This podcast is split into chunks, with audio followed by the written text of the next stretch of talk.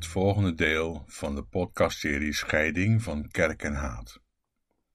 Vandaag gaat het eerst over het lege graf, want dat is toch de kwestie die bij Pasen het meeste de gemoederen bezighoudt. Geloof je dat nou wel of niet? In de kerk wordt je wel eens het vuur na aan de schenen gelegd, althans dat is mijn persoonlijke ervaring. Je mag meepraten met andere dominees, maar dan alleen als je gelooft in de opstanding van Jezus. Dat lijkt een helder uitgangspunt, maar ik ken eigenlijk geen mistiger en misleidender uitgangspunt dan dat. Ik ga daar straks op een voor u misschien wat onverwachte manier mee om. Uh, goed, opstanding dus. Uh, daarna wil ik het met u hebben over een niet zo bekende, maar wat mij betreft heel veelzeggende opmerking in de zogenoemde brief aan de Hebreeën. En ook wil ik in deze podcastafleveringen een kort gedeelte uit een toespraak laten horen van de jonge uh, eerste theoloog Peter Rollins, die voor mij erg inspirerend is en die ik van harte in uw aandacht aanbeveel. Rollins schrijft en maakt en deelt met anderen over de hele wereld uh, theologie van het christelijk geloof, maar niet om de wereld te beschouwen als een zoveelste wereldbeschouwing, maar in een poging dingen te veranderen. Over opstanding heeft hij het, maar voor mij was het een, een eye-opener, een eye-opener die mij vervulde met een soort entdekkerfreude. Voor wie het Engels, of beter gezegd het Noord-Iers, niet zo machtig is, zal ik het vertalen. En dan zijn we natuurlijk nog lang niet klaar met Pasen. Volgende week kijken we dan naar een ander aspect van het paasfeest dat in veel van onze kerkelijke liederen zit. O lam van God onschuldig. Agnus Dei. Dat lam. Ja, dat lam van God. Dat er onschuldig aangaat. Waar komt die term eigenlijk vandaan? Wie, heeft dat bedacht? Dat wordt een beetje een spannende soort van Sherlock Holmes-achtige spoorzoekpodcast dus, voor wie daarvan houdt. Volgende week zaterdagavond staat die online. Maar nu eerst die kwestie van het lege graf, oftewel Pasen. Pasen is geen Nederlands woord, laten we dat maar gelijk zeggen. Pasen is een woord uit een volstrekt andere cultuur. Dat zeg ik er maar even bij, voor die mensen die menen dat door vreemdelingen onze cultuur zou worden overgenomen en dat na Zwarte Piet en de kerstman ook ons traditionele paasfeest wel om zeep zal worden geholpen. Pasen is geen Nederlands woord. Het komt regelrecht uit het Hebreeuws. Er zijn heel veel Hebreeuwse woorden die via het Jiddisch in het Nederlands terecht zijn gekomen. Dat is vooral veroorzaakt door vele gevluchte Joden uit Spanje en Portugal, bijvoorbeeld, die in Amsterdam zijn gaan wonen en, en die van Amsterdam zijn gaan zeggen: dat is Mokum. Mokum is Hebreeuws voor de plaats. Makom, the place to be. Tot dan toe was er maar één stad ter wereld die Mokum heette en dat was Jeruzalem. En daar is dus een tweede Mokum bijgekomen en dat was Amsterdam. Omdat Nederland vooral in Amsterdam zijn toen nog ware aard liet zien en gastvrij en beschermend optrad ten aanzien van de vreemdelingen. Geen enkele andere stad ter wereld is ooit Mokum genoemd. En zo zijn er veel Hebreeuwse woorden in het Nederlands terechtgekomen. Ik, ik noem er enkele, maar u kunt ze allemaal via Google wel vrij snel vinden. Eh, tof, bijvoorbeeld, dat betekent goed. Komt uit het scheppingsverhaal. En zie, het was tof. Goed. Bias van het Hebreeuwse beet, en dat betekent huis. Eh, beet Ani, Betanië, is het huis der armen. En Bethlehem, Bethlehem is het huis van het brood. De baas van het huis is de Baal van de Baaiers en dat is geworden Bolleboos. Dat, dat wist u niet, hè? Bolleboos is een Joods woord, een Hebreeuws woord, de heer des huizes, letterlijk. Mazzel is uh, voorspoed van massaal, wat zoiets als ster betekent. En gein eh, of geintje. Gein komt van het Hebreeuwse woord geen en, dat betekent genade. Genade, dus niet grapje of zo eigenlijk, maar genade. Smeris komt van het werkwoord shamar en dat betekent bewaken. Schorimori is ook Hebreeuws, uh, schor wachamor, en dat betekent letterlijk os en ezel. Dat is wel interessant voor ons verstaan van de zogenaamde kerststal. Als we daar een os, een schor en een ezel, gamor, in zetten, dan geven we eigenlijk te kennen dat het kindje tussen schorimori ligt. Bal, een mooi Hebreeuws woord. Bal betekent nul, niets, niente, nada. Daar is iets grappigs mee aan de hand. Je moet dat dus zeggen, ik snap er bal van. Hè? Ik snap er niets van. Maar omdat velen het Hebreeuws in onze taal niet meer herkennen, zeggen ze, wat wel een beetje ridicuul klinkt, ik snap er geen bal van. Nou, ik durf wel de stelling aan dat onze cultuur van Pasen bal begrijpt. Het is ook wel een heel vreemd feest dit jaar, te midden van de coronacrisis. Maar het blijft toch een van de, zo niet het belangrijkste feest in de christelijke traditie. Nou ja, wat valt er eigenlijk te vieren? Iets met dood en leven, maar uh, wat dan? In de theologie speelt het al of niet leeg zijn van het graf een wat irritante rol. Je kunt dat bijvoorbeeld merken aan de manier waarop cineasten, wanneer die weer eens een film over Jezus maken, wat ze overigens niet zouden moeten doen, daardoor gaan ze nogal mee tobben. Hè? En verder tot op het bot expliciete film als The Passion of the Christ wordt bij die episode toch heel wazig en haast belachelijk, met wapperende, opbollende en weer leeglopende witte lakens en zo. Je kunt dan merken dat dat dus voor een cineast een lastige episode is, niet te filmen. Je zou dan ook kunnen verdedigen dat elke theologie die begint met een leeg graf per definitie eindigt in onzindelijke theologie. Er is namelijk niet zozeer iets met de Heer gebeurd, maar er is veel meer iets gebeurd met zijn leerlingen. Het is vooral een zienswijze van de leerlingen, veel meer dan een zijnswijze van het lichaam van Jezus. Pasen kan, lijkt mij, niet worden gekenschetst met het weer tot leven komen van reeds in ontbinding verkerende materie. In de discussie die in de hervormde kerk hierover gespeeld heeft in de jaren tachtig van de vorige eeuw, voel ik mij het meest thuis bij het standpunt van professor Dr. F. O. van Gennep, Ted van Gennep. In de gereformeerde kerken woedde even later ongeveer dezelfde discussie, maar zoals zo vaak in die tijd, minder theologisch, helaas, en meer kerkpolitiek.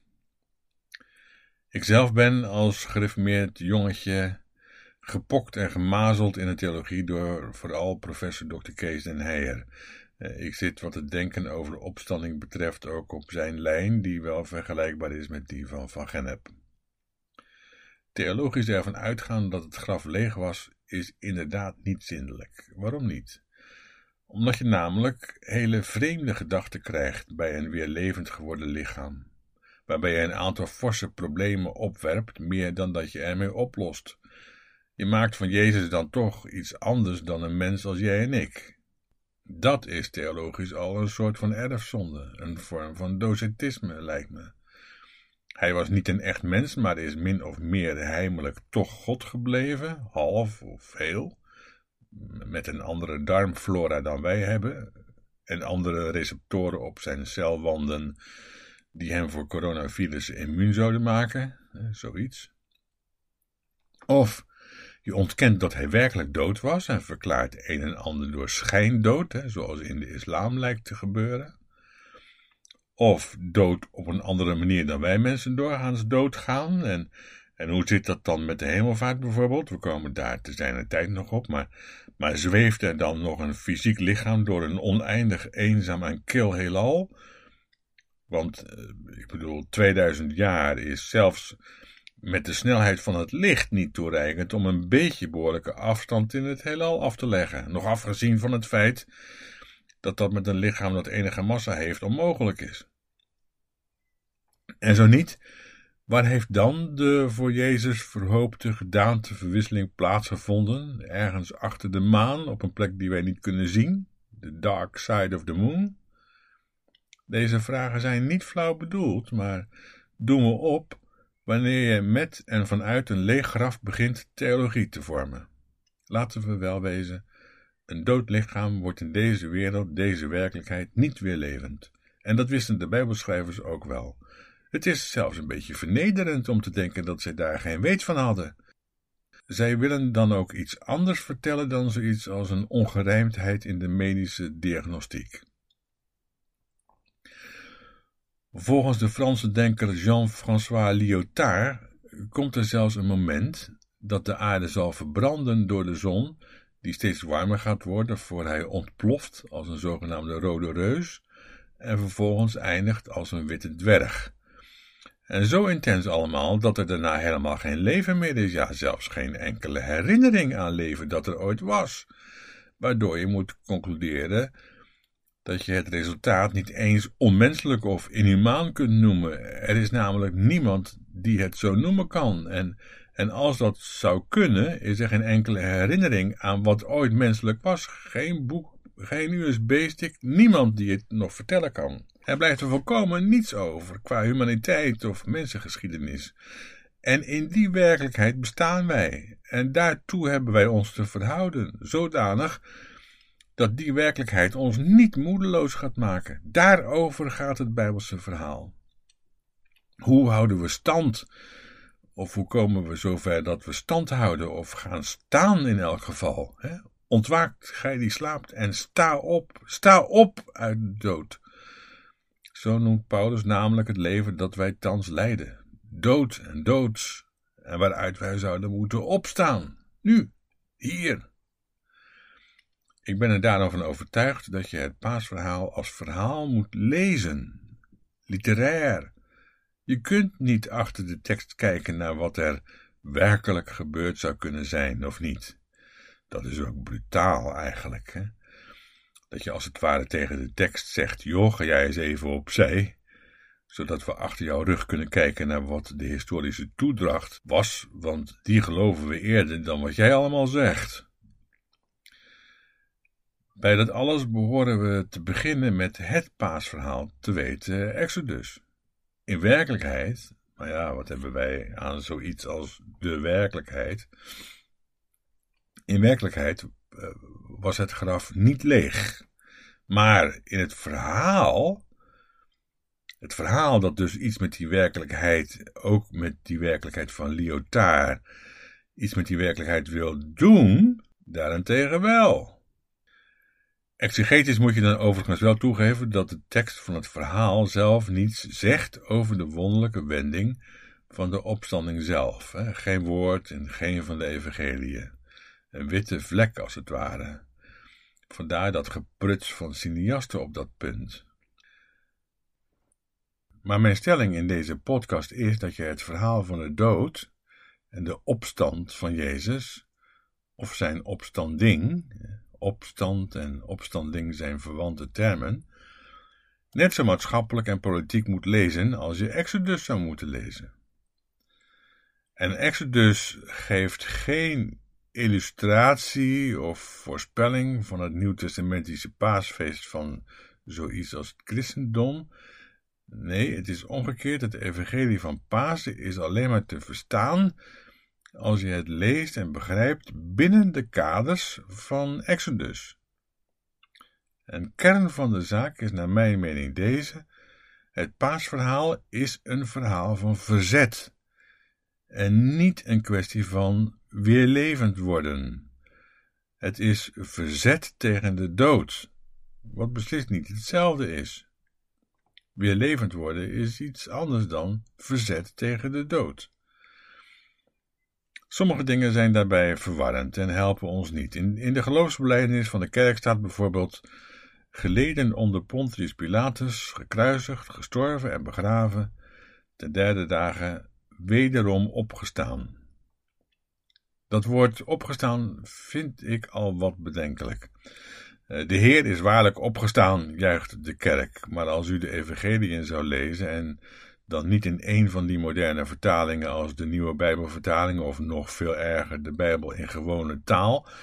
Maar als u de Evangeliën zou lezen in de vertaling die eeuwenlang geklonken heeft, de Statenvertaling of die van 1951, dan merkt u dat de evangelisten nergens op pasmorgen zeggen: De Heer is opgestaan.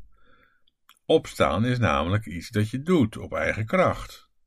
Daarom hebben de evangelisten het over: De Heer is opgewekt. Hij is wakker gemaakt. Er is, er is iets aan hem geschied dus. Uh, want als je hem op eigen kracht laat opstaan, dan maak je er een soort krachttoer van. Of, of, of iets dat Jezus kan en wij niet.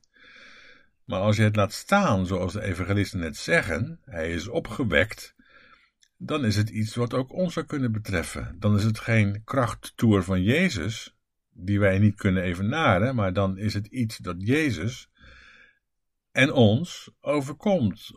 Opgewekt worden om daarna te kunnen opstaan, ja. Maar de vertalers van de Bijbel in leesmappertaal begrijpen die nuances helemaal niet. Opgewekt worden of opstaan, het is allemaal hetzelfde.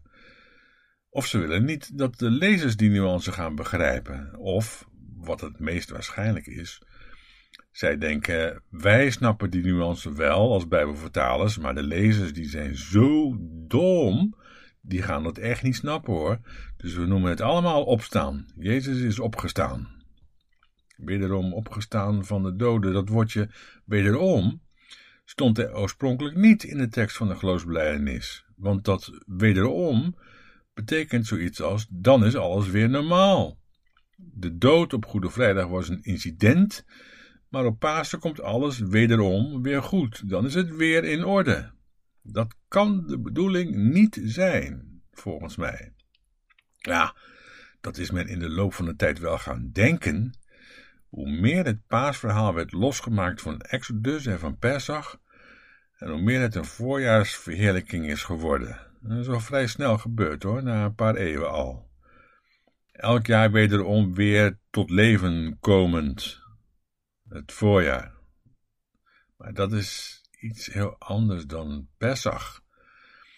Het is dus niet een kwestie van eerst is er leven, dan is er de dood, maar daarna is er gelukkig opnieuw weer leven. Nee, Pesach is verzet tegen het doodsgeweld. Net als licht en donker. Niet eerst was het licht en toen werd het even donker, maar nu is het gelukkig weer licht geworden, als vanouds. Nee, het licht is de vijand van de duisternis. Het gaat in het paasverhaal van Exodus om literatuur van verzet. Het gaat niet om reparatie of herstel van wat verloren gewaand is. Ook kan het niet gaan om biologische wetmatigheden of natuurwetten, zoals elk seizoen de lammetjes weer worden geboren, de kuikentjes uit het eitje komen en de krokusjes hun kopje opsteken. Het paasverhaal daaraan verbinden of zelfs erin op laten gaan, lijkt mij een hoge mate van heidendom, een verering van de natuur, en dat leidt enorm af van het evangelie en volstrekt niet daar naartoe.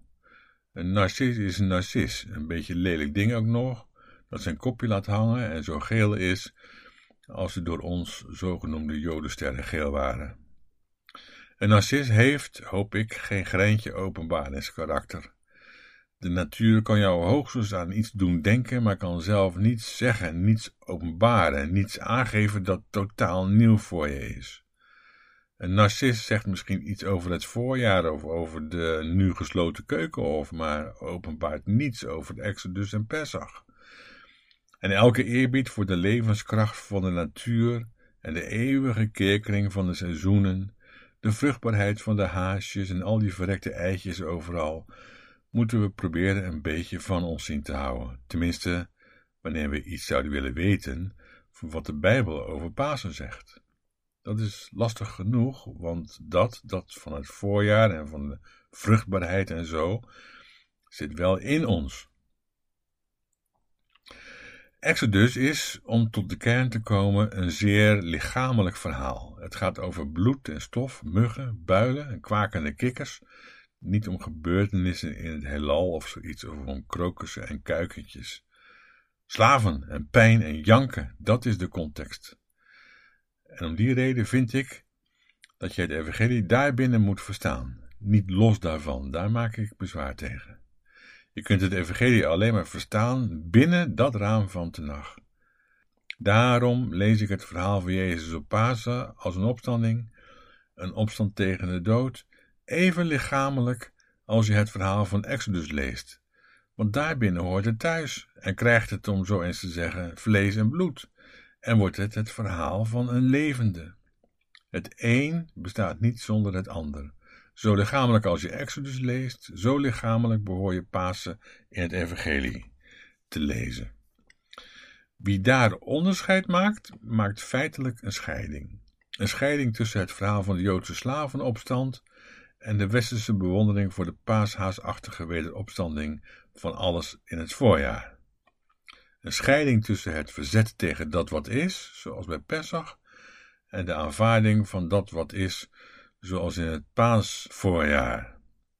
En wie die scheiding aanbrengt of voortzet, belandt om die reden wat mij betreft in onzindelijke theologie. Ik ben daarom ook beducht om al te snel te denken dat het allemaal over ons gaat. De Bijbel versta ik niet als een boek over het lot van slaven en slachtoffers, maar als een boek van slaven en slachtoffers.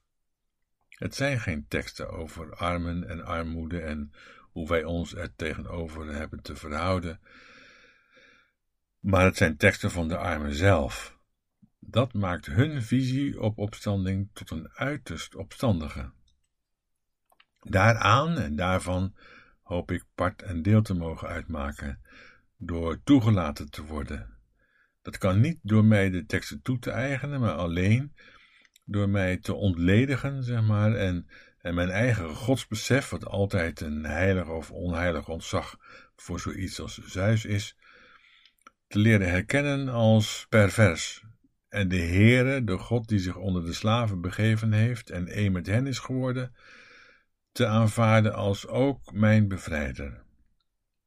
In die hoedanigheid, als bevrijder God, God van de machtelozen. Zij hebben hem namelijk leren kennen als die van hun, om maar even eh, te variëren op een uitspraak van Joep van het Hek. Het is die van hun, die nog altijd presente is en en hen niet godloos achterliet als wezen of weduwen, slachtoffers, dat waren ze namelijk al. En tot hen, en nu stap ik over naar het tweede onderwerp, is in het Nieuw Testament een bijzondere brief gericht. De brief aan de Hebreeën, zo heet die brief. En in die brief staat dat Jezus, om zomaar even te zeggen, is gekomen om hen te bevrijden die gedurende hun hele leven door angst voor de dood tot slavernij waren gedoemd even goed tot u laten doordringen. Waar gaat het met de opstanding van Jezus om? Dat hij allen bevrijdt die gedurende hun hele leven door angst voor de dood tot slavernij gedoemd waren. Hebreeën 2, vers 15. Eerst even wat inleidende opmerkingen. Een aantal zaken zijn nu wat meer tot ons doorgedrongen, hoop ik. De Torah staat bekend als de boeken van Mozes, dus niet de boeken van Abraham, om maar iets te noemen, of de boeken van Jozua. Dat laatste zou best leuk zijn geweest. Dan was er qua naam een verband met die Jozua van Nazareth. Uh, want uh, Jozef en Maria hebben hun kindje niet Jezus genoemd in het Grieks van de Romeinse bezetter, maar Joshua in het Hebreeuws of Aramees van hun moedertaal. Goed, maar waarom worden die vijf boeken al eeuwen gekenschetst naar die figuur van Mozes? Hij is niet de schrijver van die vijf boeken, want doorgaans beschrijf je bijvoorbeeld niet je eigen dood. Maar de naam Mosje staat voor bevrijding uit slavernij. Staat voor de opstand van de Hebreeën, ook al zo'n wonderlijke naam, tegen de slavenhouder. Die opstand heeft, zoveel is nu wel duidelijk, een heel specifiek kenmerk in de boeken van Mozes. Die opstand heet Pesach. Veel christelijke afbeeldingen tonen één kruis. In werkelijkheid hingen er bij tijden langs de Via Appia bijvoorbeeld duizenden slaven aan kruisen gespijkerd dood te gaan. Want de Pax Romana, wat, wat ze nemen, was namelijk één grote gewelddadige slavenhoudersmaatschappij. De Romeinen hadden de kruisdood bedacht om slaven die weggelopen waren, en dat gold als een enorme misdaad, zodanig te martelen en te doden, dat daarmee alle andere slaven ervan af werden gehouden om zoiets zelfs maar te overwegen. De vraag dringt zich dus op: wat betekent het dat Jezus de dood stierf van al die weggelopen en gedeserteerde slaven? Daar valt veel over te zeggen. Het verdient wellicht aanbeveling om niet te snel in het orthodoxe automatisme van straf op de zonde te schieten. Want dan moet je veronderstellen dat er op een gegeven moment een fatale gebeurtenis in het begin van de geschiedenis zou hebben plaatsgevonden, die wel de zondeval wordt genoemd. Maar de profeten van Israël, waarover we de volgende podcast het uitgebreid zullen hebben, de profeten van Israël hebben het nergens over zo'n fatale gebeurtenis aan het begin van de mensheidsgeschiedenis. In de profetische boeken gaat het over Mozes. Wel, nu is er in het Nieuwe Testament een schrijver waarvan we de naam niet weten. En in deze tijd na Pasen is het goed om daar nog even bij stil te staan. Er zijn geleerden tegenwoordig die aannemen dat het een vrouw moet zijn geweest en niet Paulus zoals wel eens wordt aangenomen. En zij schrijft een soort open brief aan, ja, aan wie? Uh, aan de Hebreeën. En, en niemand kan zeggen wie dat in die tijd, in de loop van de eerste eeuw, zouden kunnen zijn geweest. Wel weet iedereen die thuis is in de Bijbel dat Hebreeën de oude naam was van die slaven te midden waarvan Pesach is ontstaan als feest van slavenopstand, van bevrijding. Niet bevrijding van, van alles en nog wat dus, maar heel specifiek van slavernij. Slavernij is dat je geen eigen leven hebt, maar dat een ander, een heer, een economische wetmatigheid, een macht, een kracht, jouw leven in bezit heeft genomen en jij geen kant meer op kunt. Hoe word je dan in toon gehouden? Door jouw angst aan te praten. Angst voor de dood. In doodsangst verkerend ben je blijkbaar een makkelijk slachtoffer voor verslavende machten en krachten. Jezus doorbreekt dat fundamenteel. Dat maakte die eerste christenen tot vrije mensen. De dood was daarmee niet verdwenen, in tegendeel zelfs, maar kreeg door Jezus dood een andere betekenis zij kenden geen doodsangst meer omdat hun Heer die niet gekend heeft. En dat maakte hen, midden in die Romeinse overheersing, die slavenhouderssamenleving, volkomen vrij, vrij van de slavernij. Ze lieten zich namelijk niet meer gijzelen. In moderne vertalingen wordt het woord slavernij wegvertaald. De nieuwe Bijbelvertaling heeft het zo gedaan. Um, Jezus is gekomen om zo allen te bevrijden die slaaf waren van hun levenslange angst voor de dood. Dat is wel slim bedacht. En dan heb je toch nog het woord slaaf erin, maar dan maak je ervan dat je verslaafd zou zijn aan de angst voor de dood. Dan wordt het een soort psychiatrische stoornis. Maar de Hebreeënbrief heeft het over de angst voor de dood die de oorzaak van is dat je je laat verslaven, slavernij in politiek-maatschappelijke zin. Eh, de Bijbel in gewone taal maakt er gewoon korte metten mee en doet het dan als volgt. Wij waren ons hele leven bang voor de dood, maar Jezus heeft ons van die angst bevrijd. Nou ja, dan ben je gauw klaar en is het ook duidelijk. Hè? We waren ons hele leven bang voor de dood, dat is dan Goede Vrijdag. We zetten ons met trainen nieder. Maar Jezus heeft ons van die angst bevrijd. Dat is dan de juichkreet van paasmorgen. Maar ja, hier is het woord waar het nu juist om gaat, omdat dat het woord van Pesach en van de boeken van Mozes is, het woord slavernij, wegvertaald. En daarmee is de hele samenhang om zeep geholpen. Zo begrijp je zelfs niet meer waarom de boeken van Mozes, wanneer God zichzelf bekend maakt, God als eerste laten zeggen: Ik ben de Heere, jullie God, en ik heb jullie uit Egypte, uit het slavenhuis bevrijd. Ik vind, je mag zo'n centraal gegeven niet zomaar wegvertalen, omdat je het dan makkelijker te begrijpen zou vinden. En u als lezer begrijpt het natuurlijk ook helemaal niet. Het, het lijkt wel begrijpelijke Nederlands geworden, maar het enige dat u begrijpt is dat de vertaler geen enkel verband ziet tussen Jezus en Mozes. En dat lijkt me voor een beetje bijbelvertalen een doodzonde.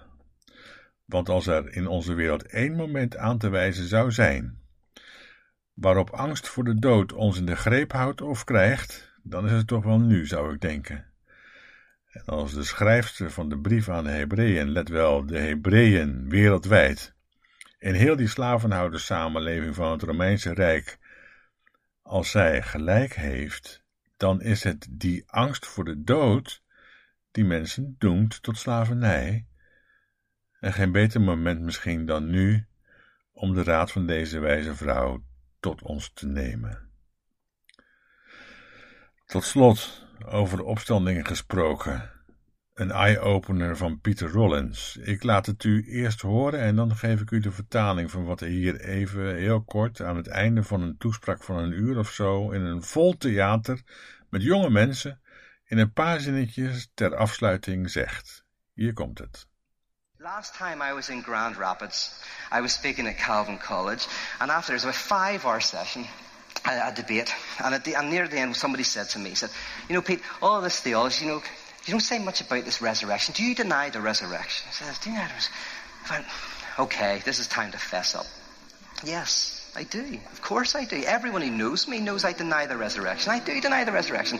Every time I do not serve my neighbor. Every time I walk away from people who are poor. I deny the resurrection. Every time I participate in an unjust system. And I affirm and I affirm the resurrection every now and again when I stand up for those who are on their knees. I affirm the resurrection when I cry out for those people who have had their tongues torn out. When I weep for those people who have no more tears to shed. That is what we are trying to do. Substantive change. Thank you. Peter Rollins zegt dit. De vorige keer dat ik een lezing hield in Grand Rapids, sprak ik op het Calvijn College. En na een sessie die vijf uur duurde, een debat, zei bijna aan het einde iemand tegen mij: Al die theologie weet je, je zegt vrijwel niets over de opstanding. Ontken jij de opstanding? Ik dacht: ontken ik de opstanding? En ik reageerde met: Oké, dit is de tijd om iets duidelijk te maken. Ja, dat doe ik. Natuurlijk doe ik dat. Iedereen die mij kent weet dat ik de opstanding ontken. Elke keer als ik niet dienstbaar ben aan de naaste, elke keer wanneer ik wegloop voor de mensen die arm zijn, ik ontken de opstanding zolang ik mee blijf doen in een onrechtvaardig systeem. En ik bevestig de opstanding, zeg er ja tegen, soms, even, wanneer ik opsta voor hen die op de knieën gedwongen zijn. Ik bevestig de opstanding wanneer ik het uitschreeuw voor de mensen bij wie de tong is uitgerukt. Wanneer ik jank voor de mensen die geen tranen meer over hebben. Dat is het wat we proberen te doen als christenen. Een wezenlijke, radicale verandering. Thank you. Ja, nou ja, dit was het voor deze keer. Ik wens u een hele goede week. En laten we elkaar aanstaande zaterdag weer ontmoeten bij een volgende podcast. Tot volgende week. Dank u wel.